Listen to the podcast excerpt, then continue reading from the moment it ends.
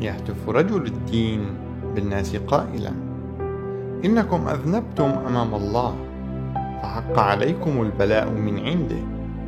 وهو بذلك يرفع مسؤولية الظلم الاجتماعي عن عاتق الظالمين فيضعها على عاتق المظلومين أنفسهم فيأخذون بالإستغفار وطلب التوبة.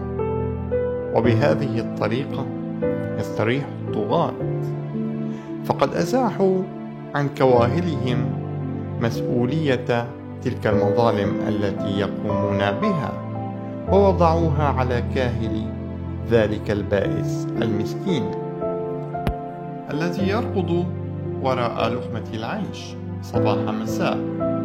ثم يلاحقه رجل الدين بعد هذا بعقاب الله الذي لا مرد له. الدكتور علي الوردي.